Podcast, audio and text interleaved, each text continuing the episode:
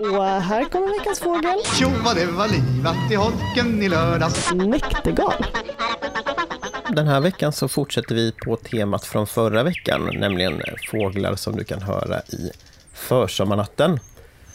Och nu så kommer vi att ägna oss åt näktergalen. Åh, näktergalen som är så vacker och sjunger så fint. Mm. Det är precis så som den här fågeln brukar uppfattas. Men faktum är, är den så vacker och sjunger den så vackert? Och jag skulle nog säga nej på detta. Det är en spektakulär sångare. Den sjunger högt. Den har ett läte som låter lite exotiskt sådär och lätt att reagera på, men, men är det särskilt vackert? Nej, det, det tror jag faktiskt inte.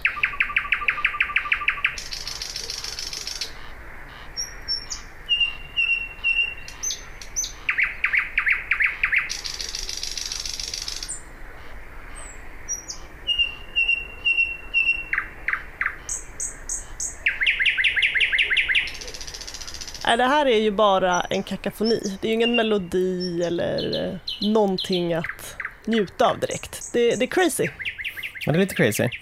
Den har, tycker att den, den har en liten klang ibland som kan vara lite småvacker, men sen är det ganska mycket skrammel och sådär. Men det är högt och ljudligt och eh, lite intressant i, i lagom doser då. Men varför ser man en näktergal som en skönsjungande vacker fågel? Det finns en eh, tradition som är mycket så här brittisk, tänker jag. Eh, The Nightingale, som det pratas mycket om.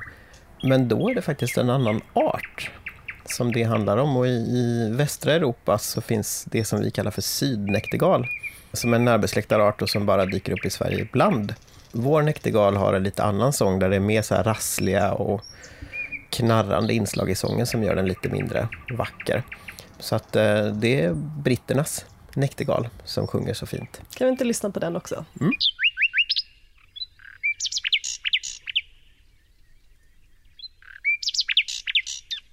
Sen tycker inte jag att det är en jättevacker sång heller, men, eh, men det kan vara någonting lite med, med tonläget och att det är så här som är, som är lite finare. Och sen både för sydnäktergal och, och vår näktergal då, så är det en kraftig och påtaglig sång och den har onekligen röstresurser.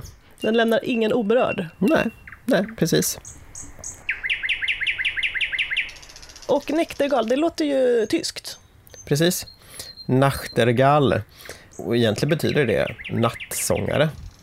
Och det stämmer för att eh, näktergalen, du kan höra den på dagen och det är inte alls ovanligt att, att näktergalar sjunger på dagen. Men framförallt då när det blir mörkt på kvällen så kör de igång på riktigt och sen sjunger de hela natten. Så att eh, sångaktiviteten är absolut störst nattetid.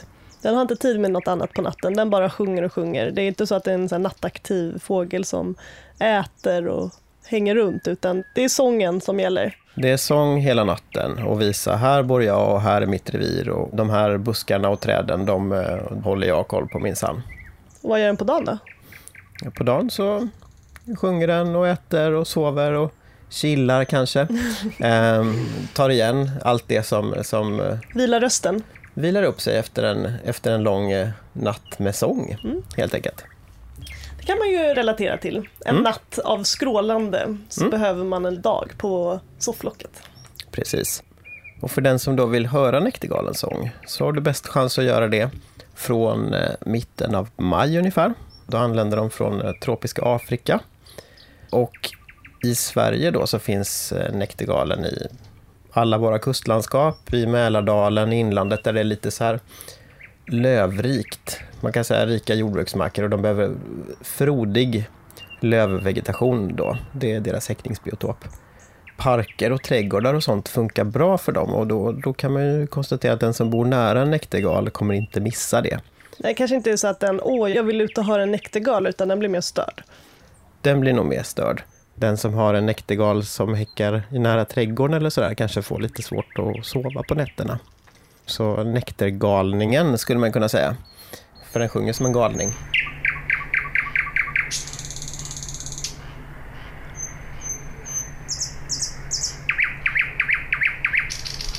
Är den den minsta vacker då? Den hade ju inte så vacker sång, men eh, kan den leverera lite mm, good looks? Nej, och det sa vi lite i början också tror jag, att så här, den, den är varken vacker i sången eller särskilt vacker i utseendet. Som Anonym. jag! Du är vacker. Du är vacker, Klara. Nej, men den... Eh, måste jag tänka efter. Du vet inte ens hur den ser ut. Den är så tråkig att jag kan inte ens beskriva ansiktet. Eh, Eller ansiktet. Alltså- jo, nej, men den, den, den, jag kan nog beskriva den. Mm. Eh, för det första så är det väldigt sällan som man får syn på en äktergal, för att den är väldigt tillbakadragen rent visuellt. Eh, de sitter ofta inne i täta buskar och träd och sjunger och så sitter de väldigt stilla. Så att de lever ett tillbakadraget liv. Så man kan liksom höra en näktergal sjunga från ett buskage och gå flera varv runt det utan att få syn på näktergalen. Jag vet inte hur många näktergalar jag har hört hittills i år, men det är ju hundratals.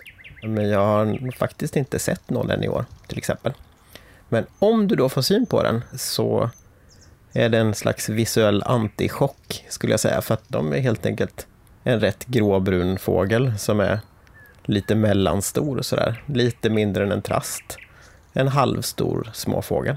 Den har lagt all sitt krut på decibellen. Exakt.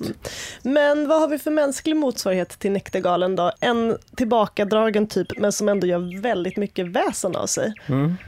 Då tänker jag lite, det kanske är den här eh, grannen, lägenhetsgrannen som håller på och slamrar med, med grytor och kastruller och, och stökar om i sin lägenhet hela nätterna och lite grann ibland på dagarna, som du aldrig riktigt vet vem det är. Du vet, ljudet färdas genom väggen så du har inte varit i huset sådär. Så att du har inget riktigt ansikte på den här grannen, men du är ju väldigt medveten om att den finns. Ja, det var ju ingen komplimang till Nej, näktergalen. Nej, Eller till grannen. Nej, nej, inte direkt. Kanske grannen som borrar i väggen vid Ja. olämpliga tidpunkter. Eh, Det, det tror jag är min bästa motsvarighet.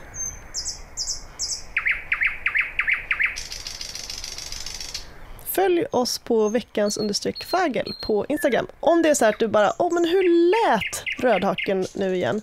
Då kan man bara bläddra sig ner till avsnittsbilden och trycka på den så hör man sången rent. Så det är väldigt bra att följa om man vill bli ännu bättre på fågelsången.